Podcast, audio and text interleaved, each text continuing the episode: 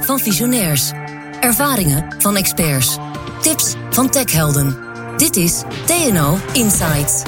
Wij praten met TNO-experts over hun vak en de maatschappelijke vraagstukken waar zij aan werken. Hoe maken zij werken gezonder? Versnellen zij de energietransitie? Houden zij onze steden leefbaar? En helpen zij bij het beter beschermen van onze militairen? Dit is TNO Insights. De zee heeft Nederland veel gebracht. Maar wat is de waarde van de zee in onze huidige tijd? Als bron voor voedsel, grondstoffen en plezier, als levensader van onze economie en onze energievoorziening, door digitalisering, geopolitieke ontwikkelingen, klimaatverandering en concurrentie staat de veiligheid op en om de zee onder druk. Wat zijn de nieuwe gevaren? Wat betekent dat voor Nederland? En wat kunnen we daaraan doen? Ik ben Glenn van den Burg en ik ga in gesprek met Rob Verkerk. Hij is voorzitter van Nederland Maritiem Land en voormalig commandant zeestrijdkrachten. Caroline Nachtegaal van Doorn. Zij is lid van het Europees Parlement voor de VVD en lid van de Transportcommissie. En Jeroen de Jonge, Business Director Naval Programs bij TNO. Join the innovators. Let's go. Welkom allemaal, fijn dat jullie er allemaal zijn. Caroline in Brussel op afstand, maar toch dichtbij. Um, ja, eerst maar even begin bij het belang van die zee. Want daar denk je eigenlijk niet zo heel vaak over na uh, in het leven. Maar uh, wat is het eigenlijk het belang van die, van die zee, Rob, voor ons, voor Nederland? Ja, je zei het eigenlijk al goed in de samenvatting. Kijk, uh, al eeuwen en nog steeds is het zo dat het gros van alle grondstoffen en goederen over zee wordt getransporteerd. Waar je toch over 90% van de totale wereldhandel.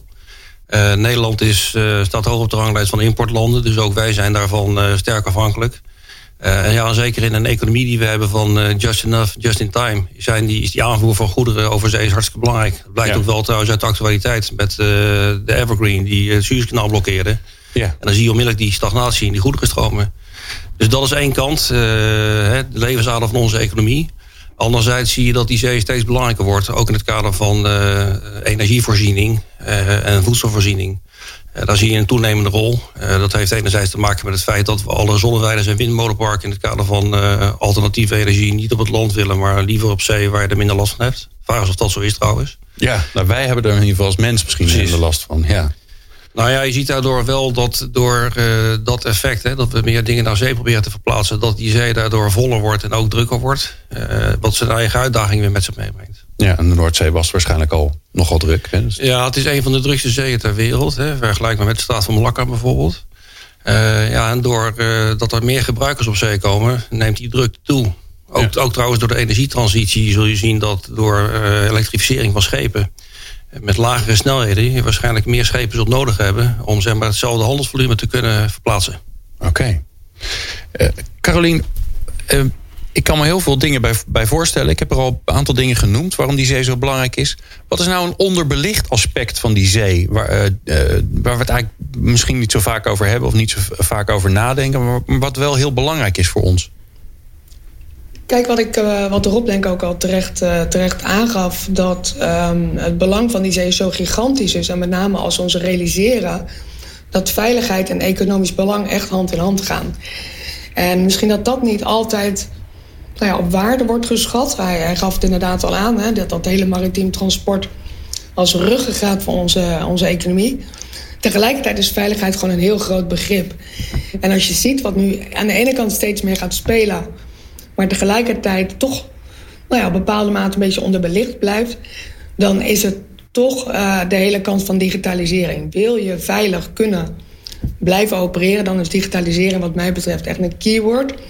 Enerzijds als het gaat om datadeling. Denk aan datastromen tussen schepen, havens, infra, logistieke stroom... om dat veel, veel uh, beter te maken.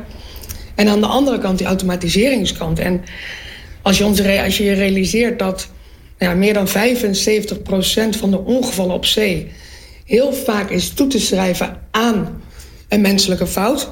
Kijk, om eerlijk te zijn, bij de, bij de Ever Given weet je dan nog niet op het Suezkanaal, maar mocht dat zo zijn, ja, dan moeten we ons wel uh, realiseren dat we daar een ongelooflijk uh, belangrijk aspect in handen hebben. En tegelijkertijd, als we digitalisering zo belangrijk vinden en zien wat voor nou ja, oplossingen het kan bieden... dan weten we tegelijkertijd ook dat hoe meer we digitaal gaan ontsluiten... hoe meer kans er ook wel uh, natuurlijk is op cyberrisico's. Ja. Ja, want we het even over die veiligheidsrisico's hebben hè, uh, op zee. Want daar uh, zouden we uh, in deze podcast extra op inzoomen. Jeroen, wat zijn dan die veiligheidsrisico's op, onder, maar ook om de zee? Hè? Want de zee is natuurlijk, er is, dat vergeten we nog wel eens, er is meer dan zee dan land. Dus, Ja, absoluut. De veiligheid op zee staat wereldwijd onder druk. En dat heeft te maken met het feit dat de vrije zee, zoals die door Hugo de Groot ooit gedefinieerd is in Nederland, dat die eigenlijk niet meer bestaat. Grote delen van de zee zijn gereguleerd. Dat uh, zie je vooral in zeestraten. Daar proberen we elkaar niet uh, aan te varen, als dat enigszins mogelijk is. Maar waarom staat die zee nog meer onder druk? Is omdat het uh, ook een competitie-element met zich meebrengt. De handelsroutes, die vooral China bijvoorbeeld nu uitrolt... in de zogenaamde Belt and Road Initiative... loopt van Shanghai naar Rotterdam. En voor China is Rotterdam eigenlijk het stekkertje aan het einde van hun logistieke keten. Meer zijn we niet. En dat betekent dat als wij zelf onze belangen in diezelfde handelsroute willen verdedigen, dat we er ook zullen moeten zijn. Amerika heeft uh, de laatste 40, 50 jaar voor ons de veiligheid op zee gegarandeerd. De Pax Americana, wordt het ook wel genoemd, is eigenlijk vooral een veiligheid op zee die gegarandeerd werd door de enorme militaire macht van Amerika. En onder die paraplu heeft de Europese Unie zich kunnen ontwikkelen tot waar we nu staan. Ja. Wij hoefden ons geen zorgen te maken over die veiligheid en die logistieke aanvoerketens, want die werden beveiligd. Maar dat ik, heeft ons ik, kunnen brengen waar we nu zijn. Maar ik hoor je eigenlijk zeggen, het klinkt al door, nu wel. Ik denk het wel. En dat komt doordat de hegemonie van Amerika, zeg maar onze uh, veiligheidsgarantie, nu onder druk staat. Omdat andere partijen die hegemonie proberen te ondermijnen. China, noemde ik net al, is bezig met de opbouw van een uh, marine. Die over een jaar of vijf à tien. Uh, die van Amerika in ieder geval in aantallen naar de kroon steekt. maar ook Rusland, wat eigenlijk een economie heeft die kleiner is dan die van Italië, steekt heel veel moeite in maritieme capaciteiten, marine capaciteiten. En die zetten ze ook in, vlak voor onze kust. En ook in het luchtruim. Ja, dat, dat, dat, zo nu en dan hoor je dat langskomen. Hè, dat er weer ergens een onderzeeër ergens in, in, in, in Noorwegen of zo uh, uh, gespot is. En de Russen zeggen dan nee hoor, dat waren wij niet. Uh, maar is dat, is dat het topje van de ijsberg, Rob? Nou, ik denk wat, wat Jeroen zegt, dat klopt. Kijk, je ziet die economie, die, die is er niet meer. Uh, we zijn toch, denk ik, overgegleden naar een, een, een multipolaire of zeg maar gedefragmenteerde samenleving. Uh, waarbij niks meer vanzelfsprekend is. Kijk, en wat je ziet, zeker daar waar schaarste de kop op steekt... Uh, is de vraag of altijd op een vreedzame manier... landen uh, zich zullen blijven garanderen van de benodigde grondstoffen die ze bijvoorbeeld hebben. Ja. dat, dat is wel een zorg. Tegelijkertijd zie je ook dat... kijk, die zee is ook belangrijk in het kader van het indammen van migratiestromen. dus dat, dat is ook een aandachtsveld. En die migratiestromen die zullen eerder toenemen dan afnemen, denk ik, in de toekomst. Een laatste punt wat je toch ook ziet, wat ik hier onder de aandacht wil brengen... dat is dat uh, naarmate we er steeds meer uh, kwetsbare infrastructuur ook naar zee brengen... zoals windmolenparken en dergelijke... Ja, kan dat natuurlijk ook een, uh, een doel zijn voor, voor terrorisme. dus kortom, er, gebeurt toch wat die zee en dat, dat wordt niet eenvoudig hoor. Nee, daar wil ik nog even iets op aanvullen, Rob. Is dat als je kijkt naar die, die infrastructuur... dan wil ik ook wel eens een nadruk leggen op de datakabels... die glasvezelkabels die all over the world lopen, die lopen op de zeebodem. En wij zijn voor het voortbestaan van onze samenleving afhankelijk van het internet geworden. Of je het nou leuk vindt of niet. En als je dat uh, zou kunnen aangrijpen, zoals het zo mooi heet, als je daar zou kunnen afluisteren of het misschien doorknippen, dan breng je gigantische schade toe aan de economie. De, de synchronisatie van de beurzen hangt onder andere daarvan af, naast GPS. Dus wat jij net zei, Glenn, over die onderzeeboot die dan uh, wordt gespot. Uh, ja, er zijn aanwijzingen dat uh, de Russische marine onderzeeboten inzet bij die datakabels. En dan vraag ik me af, wat doen ze daar? Ja, Carolien, weten we dat, wat ze daar doen? Als we dat zouden weten, dan zouden we zeker er iets aan kunnen doen. Ja. maar het is natuurlijk een, een heel nou ja, een grijs gebied en ook soms heel moeilijk te, nou ja, te, te vatten en daar dus uiteindelijk iets, iets aan te doen. Dat het een enorme grote zorg is, dat deel ik zeker met, eh, met beide heren. En daarbij zie je natuurlijk wel dat alles wat er rondom die zee gebeurt... en dat hele internationale, het geopolitieke... hoeveel effect dat ook heeft op Europa. Ik denk dat we daar. Nou ja, als je net had je eerste vraag, wat blijft onderbelicht? Um, dan, dan is dit wel een element waar misschien niet het pasklare antwoord voor is. Maar van, waarvan wel wordt verwacht dat we daar natuurlijk veel meer, ook vanuit Europese optiek, aandacht aan besteden. En ik vind gewoon de, de dreiging uit derde landen is, is steeds, steeds groter. En als je ook ziet dat de, de Europese Rekenkamer uh, onlangs ook heeft gezegd dat, dat Europa veel meer risico's loopt, juist ook door de sterke toename van Chinese investeringen. Als gevolg van nationale doelstelling en strategieën. Ja, ik vind dat wel een, een, een, een gevaarlijk uh, punt. En er werd dan net even de Blue Belt werd al even genoemd. Maar wat je zeker ziet, dat Chinese bedrijven, dat is een ander element, stelselmatig natuurlijk staatssteun ontvangen. Wat natuurlijk zorgt voor een eerlijke concurrentie ten opzichte van de Europese bedrijven. En ik denk zeker als je kijkt naar onze Europese maritieme maakindustrie... en ook gewoon simpelweg in Nederland... ondervinden zij daar gewoon veel last van. En het risico bestaat, en dat vind ik een heel ander aspect misschien van veiligheid... Uh, maar wel het risico dat bestaat dat zelfs deze industrie uit Europa zal verdwijnen... als niet wordt ingegrepen. En dat er dus schepen alleen maar worden gebouwd in China... met alle gevolgen van dien en alle technologieën die in zo'n schip worden gestopt... Ja, ik vind dat we daar wel meer aandacht voor moeten hebben. Als je kijkt naar uh, het bedrijf Dame Shipyard die schepen bouwt... dat een schip anno nu, anno 2021, als dat wordt gebouwd... is dat gewoon een platform met, nou wat is het dan, meer dan 15.000 sensoren. We hebben het hier gewoon over een mega complex varend IT-systeem. Mhm. En dat vraagt natuurlijk echt wel wat van kennis over cybersecurity. Uh, en niet alleen aan boord van een schip, maar ook nou ja, in de boorden van een bedrijf. Ja, want uh, als, ik, als ik jullie zo beluister, hè, dan, zie ik het, dan zie ik die zee voor me. Dat is een beetje lastig, want er zijn er nogal wat. Maar in ieder geval de Noordzee, want die is lekker dichtbij. Daar uh, uh, gaat vanuit Amsterdam een hele dikke kabel naar, uh, naar New York volgens mij. Uh, voor al, bijna al ons internetverkeer met, uh, met, met Amerika. Hè. Dus als we willen Netflixen, dan gaan we een heel eind die kant op. Uh, maar er staan ook heel veel, heel, veel, heel veel windmolens op de Noordzee. En er komen er alleen nog maar heel veel meer bij. Oftewel, daar komt onze stroom straks vandaan. Ja, als we dat niet goed regelen, dan uh, zitten we straks in het donker zonder internet, zonder verbindingen, liggen onze banken eruit. is dat een beetje het doemscenario op? Nou ja, een doemscenario. Ik denk wel dat het goed is dat we ons realiseren hoe kwetsbaar we zijn door al dit soort infrastructuur die we op zee gebracht hebben. Uh, kijk, en veiligheid uh, is niet vanzelfsprekend gegarandeerd. Dus je zal daar wel naar moeten doen. Kijk, wat dat betreft ben ik het wel helemaal met het Caroline eens. Uh, dit soort dingen moet je in internationaal verband moet je dat regelen. Niet, nationaal, maar dat moeten we binnen Europa moeten we met elkaar doen. maar je zorgt het wel inderdaad in dat level playing field. want je ziet bijvoorbeeld met China dat heel vaak toegang tot hun markt wordt uitgehuild tegen het overdracht van technologie. En dus niet op gelijkwaardige basis is dat. Kijk, en waar het nu nog gaat om, om scheepsbouw, wat uh, door prijsontduiking uh, geen uh, eerlijk gelijkwaardig speelveld is, zal je zien dat, dat op den duur het risico loopt dat ook het scheepstransport gedomineerd wordt door Chinese bedrijven die staatsgesteund zijn. Ja. En uiteindelijk door meerderheidsaandelen in de Europese havens... dat zij ook bepalen waar wat aan land gaat. Ja, volgens mij uh, hebben ze in Griekenland al, uh, ja. al, een, al een haven toegeëigend, ja. toch? Ja. Dus kortom, daar moet je wel alert op zijn. En zou je als Europa zou je moeten kijken of je daar een antwoord op kan formuleren...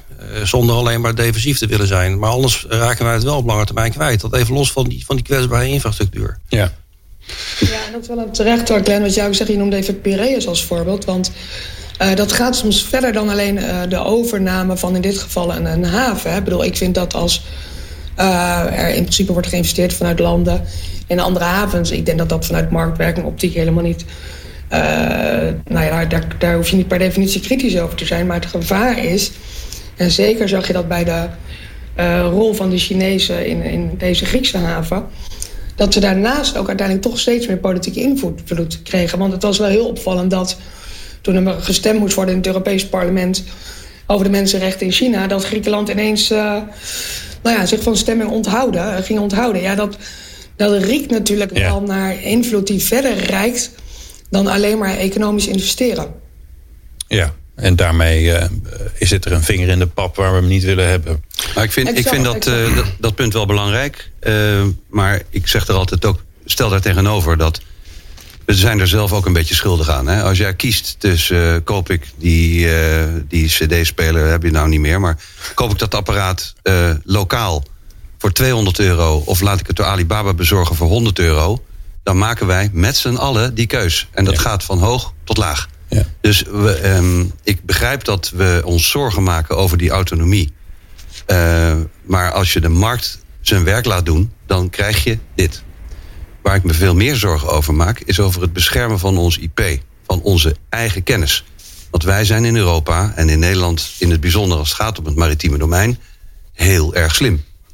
En wat ik in het uh, verleden wel eens heb gezien, is dat we ook vanwege die marktwerking uh, een, een, een, instituut als TNO uh, ook internationaal die kennis laten valoriseren met een mooi woord, hè, oftewel vermarkten. Ik denk dat we er heel verstandig mee moeten omgaan, want er zijn bepaalde pareltjes in die innovatie die heel belangrijk zijn voor de Koninklijke Marine, heel belangrijk zijn voor Nederland, ehm, die we moeten bewaken en bewaren. En daar moeten we ons uh, eigen voordeel mee doen.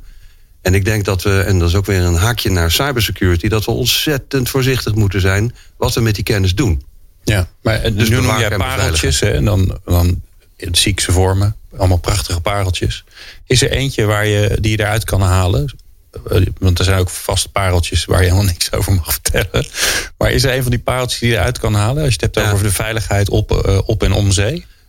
Ja, goed. Ik, ik eh, denk dat het uh, nationaal, uh, als je kijkt naar defensie, industrie, kennisinstellingen, hè, dat wordt, werd vroeger de gouden driehoek genoemd, nu wel de Dutch Diamond of het gouden ecosysteem.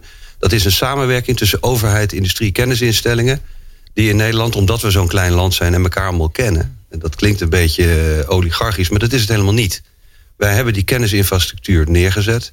En het belangrijkste voorbeeld wat ik wil noemen, is toch Thales Nederland in het oosten van het land die uh, als enig bedrijf in de wereld een radarsysteem kunnen bouwen waarmee jij Amerikaanse raketten zou kunnen verschieten als je daartoe wordt gedwongen natuurlijk. Hè.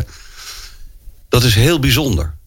Dat uh, het enige andere bedrijf zit in Amerika. En dan moet je dus Amerikaans kopen. En dat is tegenwoordig ook niet meer zo vanzelfsprekend. Dus dat is zo'n parel. En de radars die daar vandaan komen uit Hengelo, die zijn wereldklasse. Nou, en daar ben ik altijd een beetje trots op. Hè. Dat mag ook wel. Dat wij als TNO de basistechnologie aanleveren. En Martalis maakt dat ding. Oké, maar, in, in, maar de, de basis van die technologie komt voor een deel ook bij TNO vandaan. Absoluut, ja. ja, ja. En, en, dat doen we niet zomaar. Dat doen we omdat de overheid daarin gelooft en erin investeert. Dat is belangrijk. Ja. Ja, ik vind het een heel mooi voorbeeld. En ik denk niet alleen dat het de plicht is van Nederland, maar ook van Europa om sectoren die uh, van strategisch belang zijn. En feitelijk vind ik dat je dit een mooi voorbeeld ervan, om die te beschermen. En ik denk dat we juist nu ons door de COVID-crisis en andere geopolitieke ontwikkelingen sterker bewust worden. Juist van dat feit dat de EU meer dan ooit op zichzelf is aangewezen. Uh, ja, hoop ik ook echt dat Nederland uh, dit, dit, dit soort zaken ook vasthoudt. Nederland heeft in Europa en in de wereld al eeuwenlang die sterke positie. Nou ja, hè, ook als het gaat om wat, uh, wat net werd aangegeven. En heeft gewoon ongelooflijk veel kennis in huis. En die kennis en die techniek, die moet je beschermen tegen nou ja, agressieve overnames door bedrijven. Uh, en gewoon daarmee zorgen dat wij, ook als land, maar ook als Europa, die innovatiekracht alleen maar blijven stimuleren. Ja. Uh, daar sluit ik me helemaal bij aan hoor. Want uh, kijk, wat je ziet is dat uh, de grote volumeschepen en dat wordt eigenlijk alleen nog maar in, in, in, in Oost-Azië wordt gebouwd. Wij moeten dus echt hebben van die innovatieve niches. Dan is het dus geen goede zaak als dit soort kennis wordt uitgeruild tegen toegang tot een markt. Terwijl dat vanzelfsprekend zou moeten zijn. Ja. ja, in het algemeen, ook in aanvulling op wat Jeroen zei, kijk, ik denk dat die hele sensortechnologie dat dat belangrijk is ook in het kader van het vroegtijdig onderkennen... of het nou gaat om terrorisme, migratiestromen of, of, of andere soorten zaken die we niet willen... dat je er vroeg bij bent en dat je dus ook heel gericht kunt sturen waar je je capaciteit in zet. Ja. Ik wil met jullie naar. Uh, we hebben een aantal, aantal uh, vraagstukken uh, aangestipt. op en om zee. Nou, allemaal is natuurlijk niet te doen. En dan zijn we, dan zijn we dagenlang podcast aan het maken. Ik wil naar de oplossingen. Um, laat me een voorbeeld noemen. De, de, alles wat er in en onder de zee ligt aan kabels, uh, energieinfrastructuur, gasinfrastructuur die er natuurlijk nog ligt. Um, hoe kunnen we ervoor zorgen met kennis, met technologie, dat we daar um, ja, dat, dat we dat veilig houden? Ik kijk naar jou, Jeroen. Ja, nee. jij, bent van de, dat. jij bent van de kennis. Ja, nee.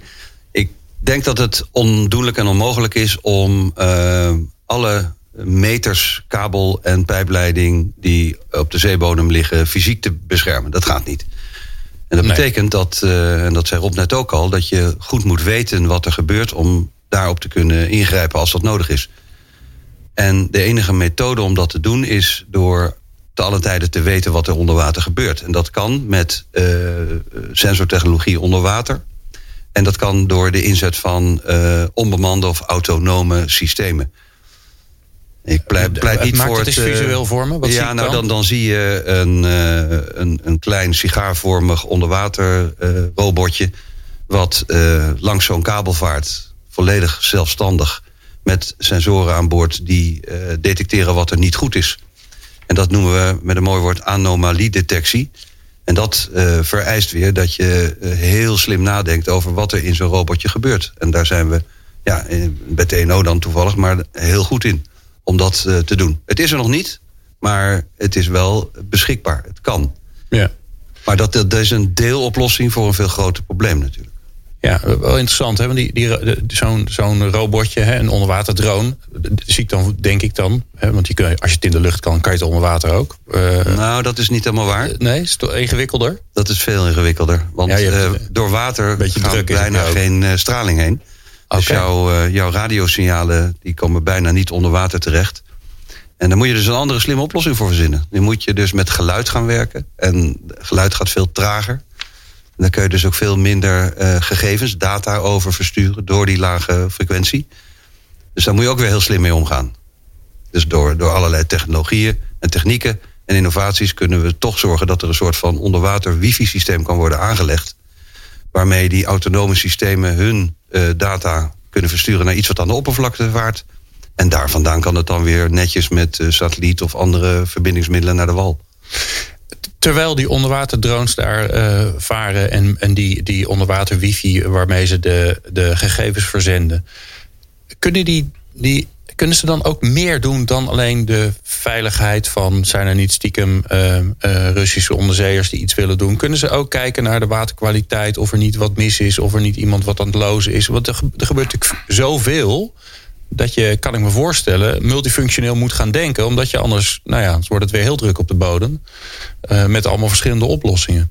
Ja, dat is waar. Alleen uh, onder water kun je niet heel makkelijk uh, zien of iemand olie heeft geloosd. Dat kun je veel beter detecteren met systemen boven water. Dat kan ook natuurlijk met drones, met onbemande systemen. Maar ehm, de technologie staat ons steeds verder toe om te weten wat er speelt. En dat is een belangrijk punt. En de, een eventuele opponent zal er ook op willen ingrijpen. Ja. Dan denk ik toch even aan havenveiligheid. Hè? Dat, uh, je hebt geen voorstelling van de hoeveelheid containers die bij Rotterdam naar binnen komen. En uh, de kans dat je er doorglipt met een container met drugs is gewoon ja, vrij groot. Daar kun je een businessmodel van maken. Ja, en dat zijn er genoeg die dat doen volgens mij. Absoluut. Toch? Ja, ja. Dus daar zit je in, je in je cyberdreiging, in het weten wat er speelt ook inderdaad. Ja, Rob, doen, doen we genoeg om van al die technologische mogelijkheden gebruik te maken om te zorgen voor die veiligheid? Nou, ik denk, ik denk dat je op twee paarden moet wedden. Het is enerzijds die technologie die Jeroen uh, aanhaalt. Anderzijds moeten we ons ook, denk ik, uh, in de breedte afvragen... van willen wij afhankelijk blijven van dit soort lange logistieke aanvoerlijnen? En dat is ook de discussie die we in het kader van de huidige pandemie voeren. Van ja, in hoeverre moeten wij een eigen strategische autonomie hebben in Europa... En bepaalde zaken gewoon toch meer regionaal gaan produceren. In plaats van afhankelijk ons te maken van, van andere landen. Waarbij je niet altijd gegarandeerd bent dat het ook naar je toe komt. Ja. Uh, ik denk dat dat ook een belangrijk aspect is waar we naar moeten kijken. Meer uh, lokaal doen. Ja. Caroline, is dat een gesprek wat gevoerd wordt in Brussel nu? Misschien nog wel uh, intensiever door de pandemie. Dat we erachter kwamen dat er zoveel dingen uit China kwamen die ineens niet meer kwamen. Dat we ineens geen mondkapjes meer hadden. Dat we erachter kwamen dat volgens mij nog één plek in Europa is waar penicilline wordt gemaakt. Dat dat misschien niet zo verstandig is in het kader van de veiligheid? Ja, nee, absoluut. Ik denk dat, dat, dat heeft juist denk ik, aangetoond. Ook wat je zag natuurlijk, dat met name ook voor bemanning op zee... hoe dat tijdens de coronapandemie liep. Hè? zowel van het repatriëren tot en met de, het gebrek aan relevante medische hulpmiddelen. Ja, dat, is, dat, dat geeft natuurlijk als slecht voorbeeld weer hoe het, hoe het op een betere manier geregeld moet worden. En in die zin hoop je dat dat de ogen opent. En kijk, wat, wat, wat je denkt, wat Jeroen denkt, terecht zegt, als je kijkt op wat er op digitaal, technologisch vlak allemaal gebeurt, valt daar echt nog wel in. Zeker als het gaat om die veilige zee nog wel een wereld te winnen. En ik denk dat als je kijkt naar het belang van de maritieme sector en havens, uh, zowel uh, op zee, uh, onder zee, aan die zee, rondom die zee, dan moeten we denk ik wel heel goed onderscheid maken tussen wat voor technologieën en wat voor oplossingen heb je. En het klinkt, het klinkt een beetje een, een, nou ja, een discussie over, over terminologieën. Maar ik denk dat er wel onderscheid moet worden gemaakt tussen echt digitization. Dus echt als je het hebt over digitale informatie als het ware overbrengen van fysiek naar, naar digitaal. Als je het hebt over logboekjes, uh, documenten, filmen van analoog naar digitaal. Maar en als je kijkt naar digitalization, ja, dan heb je het veel meer over slimme onderhoud van schepen, efficiëntere routes, brandstofbeparingen. En dat, daar zit wel een verschil tussen. Als je het echt, echt hebt over de communicatiesysteem op een schip en de verwerking van, uh, nou ja, denk ook aan coördinatiecentra en havens. Ja, dan heb je het veel meer over een digital transformation. Dus ik, um, en het, nogmaals, ik denk dat je moet voorkomen dat je heel erg in definities, discussies gaat vervallen. Maar uh, het vraagt wel uh, op elk vlak een andere, een andere aanpak om die, uiteindelijk die gehele transport en die gehele veiligheidsketen goed te laten functioneren. Ja. Ik, ik, ik wil met jullie naar de toekomst. Um, want um, nou, er, is nogal wat nodig. Daar zijn we wel achter gekomen volgens mij in deze podcast. Um, ik wil je eigenlijk allemaal vragen om even te kijken naar, naar de toekomst. En dan met ons te delen wat nou de meest in het oog springende ontwikkelingen zijn. Uh, wetende dat we natuurlijk beperkt zijn uh, door de tijd met elkaar. Uh, want we zouden hier nog wel dagen over kunnen praten. En misschien moeten we dat ook wel doen. Maar daar gaan we later wel beslissen. Um, Rob, als je naar de toekomst kijkt waarvan zeg jij nou van nou, dat, is, dat komt eraan, daar moeten we echt naar gaan kijken? Ik denk dat er twee dingen dominant zijn. Die zijn eigenlijk al aangehaald. Hè. Enerzijds is dat uh, de hele energietransitie. Ik denk dat dat heel dominant gaat worden. En dat gaat betekenen dat uh, die vloot in de komende 30 jaar echt uh, helemaal vervangen gaat worden. Uh, en dat zal zijn effecten hebben. Ook, uh, omdat, je, omdat we niet meer op stookolie of diesel gaan varen. Niet meer op diesel, inderdaad, en stookolie. Je zal steeds meer gaan naar andere alternatieve energiebronnen. Uh, methanol, ammonia, maar ook elektrificering. En, en, dat zal ook gevolgen hebben voor het soort schepen, maar ook voor het omvang van het aantal schepen omdat je door elektrificering mogelijk langzamer moet gaan varen. Waardoor je dus, wat ik aan het begin al zei, meer schepen nodig zult hebben om datzelfde handelsvolume te kunnen wegzetten. Ja. Uh, dus die energietransitie die gaat effect hebben. Ook doordat er steeds meer gebruikers bij komen. Kijk naar de hele waterstofeconomie die eraan komt. Uh, wat voor een groot deel waarschijnlijk gegenereerd zal gaan worden op zee. Een ander aspect, uh, dat is omdat die zee er steeds drukker wordt... en je meer schepen op zee zult krijgen, ook door het effect wat ik zojuist noemde... zal autonoom varen zal steeds meer aanzien te komen. Omdat je dan gewoon op die manier gewoon veel meer schepen in een corridor kwijt kunt. Uh, er zit nog een derde aspect aan vast. Dat is Want dan kun je dichter bij elkaar, uh, dan kunnen ze met elkaar communiceren. Dan ben je minder, minder afhankelijk van menselijk falen. Precies, en je zal voor die ontwikkeling is digitalisering een randvoorwaarde. Een derde aspect wat er nog bij moet kijken is dat als je kijkt naar demografische ontwikkelingen, door de vergrijzing en dergelijke, zal die beroepsbevolking in de toekomst toch steeds kleiner worden. Uh, daardoor zou je er toch steeds meer naar streven om minder mensen aan boord te willen hebben. En ook vanuit dat oogpunt is dus die, uh, die autonoom, autonoom varende schepen belangrijk. Maar ook het feit wat, wat uh, Carolino aanhaalde. Het feit dat je op afstand onderhoud moet willen doen en niet meer al die technici die schaars voorhanden zijn aan boord moet willen hebben. Ja, en even heel kort daarover. Willen Nederlanders nog varen? Is dat nog een vraagstuk? Ja, Nederlanders willen wel varen, maar je ziet uh, dat ook hier hè, de opkomst van internet en dergelijke, waarbij zodra je de tros losgooit, uh, die mogelijkheden toch een stuk beperkter en in ieder geval kostbaarder zijn. Uh, dat, ja, het, enerzijds zie je dat het avontuur wel appelleert bij de jeugd. Aan de andere kant zie je dat dit soort beperkingen ook een op gaat doen. Ja, ja, dus de avontuur is mooi, maar als je onderweg niet kan Netflixen, dan vinden ze dat toch wel jammer. Zo is dat. Ja. Carolien, een blik in, de, blik in de toekomst vanuit jouw Europese bril? Ja, ik denk dat dat inderdaad in lijn met wat erop zegt. Kijk, dat, dat, en dan link ik hem toch even gewoon aan de Europese Green Deal. Dat gaat natuurlijk twee grote opgaven. Dat is verduurzaming en digitalisering. En dan zeg ik toch ook even, met name ook van die hele maritieme sector. En we hebben gewoon met elkaar bepaald dat we in 2030 de CO2-uitstoot willen terugbrengen met 55 procent. Ja, dat is gewoon een militaire opgave. Ja. En ja, daar moeten we op inzetten. Maar dat zijn wel de twee hoofdmoten, die verduurzaming en digitalisering. Uh, en ja, dat heeft tijd nodig. En ik, ik hoop, en daar zet ik me ook wel voor in, dat we ook met een nou ja, realistische bril uh, daarnaar kijken. Bedrijven niet uit de markt gaan prijzen, uh, want zero emission willen we allemaal. Maar het realistische verhaal is wel dat die alternatieve energiebronnen nog wel uitgerold moeten worden. Tuurlijk, ik ben ook voor waterstof.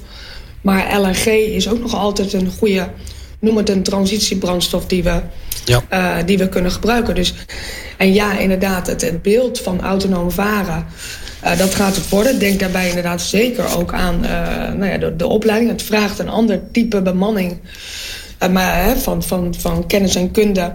Maar tegelijkertijd helpt het ook weer als je kijkt naar de vergrijzing op, de, op de arbeidsmarkt. Dus ja, als je het hebt over mijn toekomstbeeld, dan is dat autonoom varen op uh, schone brandstof. En, en Carolien, jij zit in Brussel. Ehm, de Brusselse raderen draaien niet op z'n allerhardst. Dat is niet zo raar met zoveel lidstaten. Aan de andere kant gaat de digitale ontwikkeling gaat heel snel. En uh, zijn de, de uitdagingen op het gebied van klimaat en de afspraken die we gemaakt hebben heel groot. Als je nou juist naar deze sector kijkt, Um, want ik spreek ook nog, we, we hebben ook heel veel podcasts gemaakt bij TNO over die energietransitie. En als het dan gaat over de scheepvaart, dan hoor ik toch misschien wel de minste kant-en-klare oplossingen. Uh, de grootste uitdaging omdat het een wereldwijde markt is. Omdat je op zeeën vaart waarbij nou ja, je, je bijna uh, kunt kiezen onder welke vlag je gaat varen. Hoe, kijk jij naar die Europese samenwerking en de kracht daarvan? Heb je daar, ja, heb je daar vertrouwen in dat het goed gaat komen? Ja, en ik wil zeker ook heel veel credits gewoon neerleggen bij uh, de bedrijven die juist ongelooflijk actief, of het nou de zeevaart is of, of, of de binnenvaart, hoe actief men inzet om die uh, verduurzamingsslag, maar ook die digitaliseringsslag te maken. Maar we moeten ons wel realiseren, en terecht dat je dat noemt, dat uh, nou, de, de, de, de sector vaak internationaal opereert. Dus uh, ik, dat moeten we dus slim doen. En ik denk dat, dat je dus echt vanuit dat internationaal level playing field moet kijken...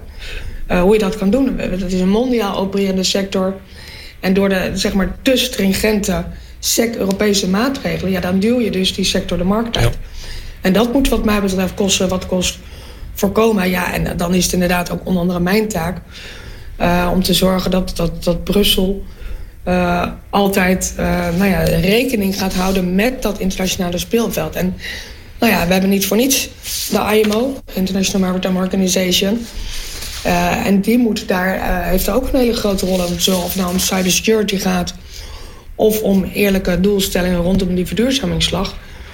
dat we dat op die manier vormgeven. En mag Europa daar misschien ook wat ehm, hoekiger in zijn. We blijven, we blijven wel heel vriendelijk altijd tegen iedereen om het, in het, onder het mom van de internationale handel. Maar mogen wij ook niet zeggen, weet je, we zijn ook met zo'n beetje 500 miljoen. We hebben aardig wat te besteden. Als je met ons zaken wil doen, dan doe je dat op deze manier. Dan mag, moet dat schoon, dan moet dat netjes, dan moet dat eerlijk.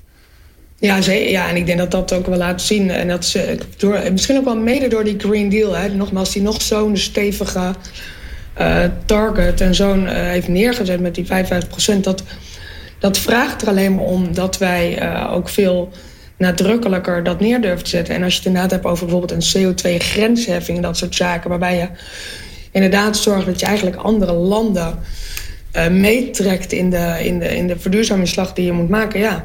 En ik vind ook, we hebben inderdaad de IMO, maar ik zeg ook wel eens als op mondiaal niveau men niet altijd snel genoeg opereert of wil acteren. Uh, denk bijvoorbeeld aan een ETS-systeem ja, dan moet je ook niet verbaasd staan te kijken dat Europa soms wel het voortouw neemt en misschien iets sneller opereert dan we, dan we soms verwachten van eh, de Europese Unie. Ja, ja, ja. snelheid kan ook gewoon heel veel voordeel geven. Dat is wel Absoluut. mooi. Uh, Jeroen, jij als laatste blik op de toekomst vanuit jouw, jouw vakgebied. Uh, ja, als, als, het gaat over de veiligheid op en om zee. Wat, wat zie je dan? Ik ben een beetje geïntrigeerd door wat je net zei. De snelheid heeft ook zijn voordelen. en dat koppel ik toch een beetje aan dat probleem van dat water. Want het, is, het kost heel veel energie om een schip door het water te duwen. En die energie kun je eigenlijk op dit moment althans alleen maar genereren door een brandstof te gebruiken waar heel veel energie in zit. En dat is tot dit moment dieselolie. En voor de marine is dat belangrijk, omdat um, je ook af en toe heel snel van A naar B moet kunnen komen. Omdat de veiligheid daarom vraagt en omdat de tegenstander dat afdwingt. Dus het dilemma waar we voor staan is: gaan wij de strijd verliezen op een groene manier? Of gaan we hem winnen met een uitzonderingspositie die bijvoorbeeld de hele luchtvaartsector ook al heeft? De luchtvaartsector is exempt van het klimaatakkoord, omdat er nog geen andere oplossingen zijn. Uh De marine doet nu heel goed mee met de energietransitie. Wij denken mee en innoveren mee als het gaat om uh, het maritiem masterplan en het creëren van alternatieve voortziening voor marineschepen. Maar dat doen we nu eerst voor, laten we zeggen, de hulpschepen, de, de niet-oorlogsschepen. De schepen die uh, hele belangrijke taken hebben, maar niet tegen uh, de Russische of Chinese marine hoeven te vechten. Ik zou toch, um, als we het over de toekomst hebben, uh, willen pleiten voor een, in ieder geval een, een uitzonderingspositie voor die vergatten die de Nederlandse belangen moeten verdedigen. En doe dat nou niet elektrisch, want dan ga je niet harder dan een knoopje of acht. Ja. En dan word je lachend ingehaald door een Russische kruiser die met vier gasturbines het milieu verontreinigt, maar vervolgens wel de veiligheid van Nederland bedreigt. Dat zou ik toch liever niet willen. Nou, dat is een, eh, een, mooie oproep. En een, van de weinige momenten uh, dat ik denk, ja, misschien moeten we op, op dit vlak uh, de, de, groene transitie ietsje uh, ietsje, ietsje afremmen. Uh, aan de andere kant is het natuurlijk ook weer een interessante uitdaging voor innovatie uh, voor TNO. Hè? Nou, om natuurlijk zeker. te zorgen dat, ja. uh, dat die andere brandstof er komt die wel groen is. Waardoor we misschien nog harder gaan varen. Of nieuwe batterijen, ja. ja. Toch heel kort, want ja. ik denk wat Jeroen aangeeft. Dit is, dit is dus echt de kern. Hè? En dit is dus echt cruciaal. En dit is wat toch ook in de politiek, of nou nationaal, maar ook even hand in eigen boezem in de Europese politiek niet wordt gezien. Men wordt erg meegenomen in de hype van vergroening, van alle nieuwe brandstoffen die gewoon nog niet in de grote hoeveelheid beschikbaar zijn, niet betaalbaar zijn. En dit verhaal en deze voorbeelden, nou ja, ik denk dat het goed is dat dit wat vaker ook voor het voetlicht wordt gebracht, omdat dit het realistische verhaal is. En daarmee wil ik niet zeggen dat we de duurzaamheidsdoelen en, en ambities met elkaar opzij moeten schuiven. Maar dat we heel um, op een gecontroleerde, gefaseerde en realistische manier toegaan naar die uh, emissieloze uh, sector. Ja. En, en, wat ik eigenlijk ook hoor, is dat er hier ook een enorme kans ligt als je op dit gebied innovaties ja. bedenkt en ontwikkelt. Want iedereen zit met ditzelfde vraagstuk. Ja, absoluut ja. waar. Nou, kortom, um, ongelooflijk interessant onderwerp. Uh, er valt heel veel over, uh, over te bespreken. Um, wil je nou meer informatie, dan kan dat natuurlijk. Dan kun je dat vinden op TNO. Ik zal je zo nog even melden waar je dan naartoe kan, uh, kunt. Maar eerst bijzonder veel dank aan Rob Verkerk van Nederland Maritiem Land. Carolien Nachtegaal van Doorn, lid van het Europees Parlement. En Jeroen de Jonge van TNO. Wil je naar aanleiding van deze podcast meer weten over de Veilige Zee? Ga dan naar tno.nl slash maritieme-veiligheid.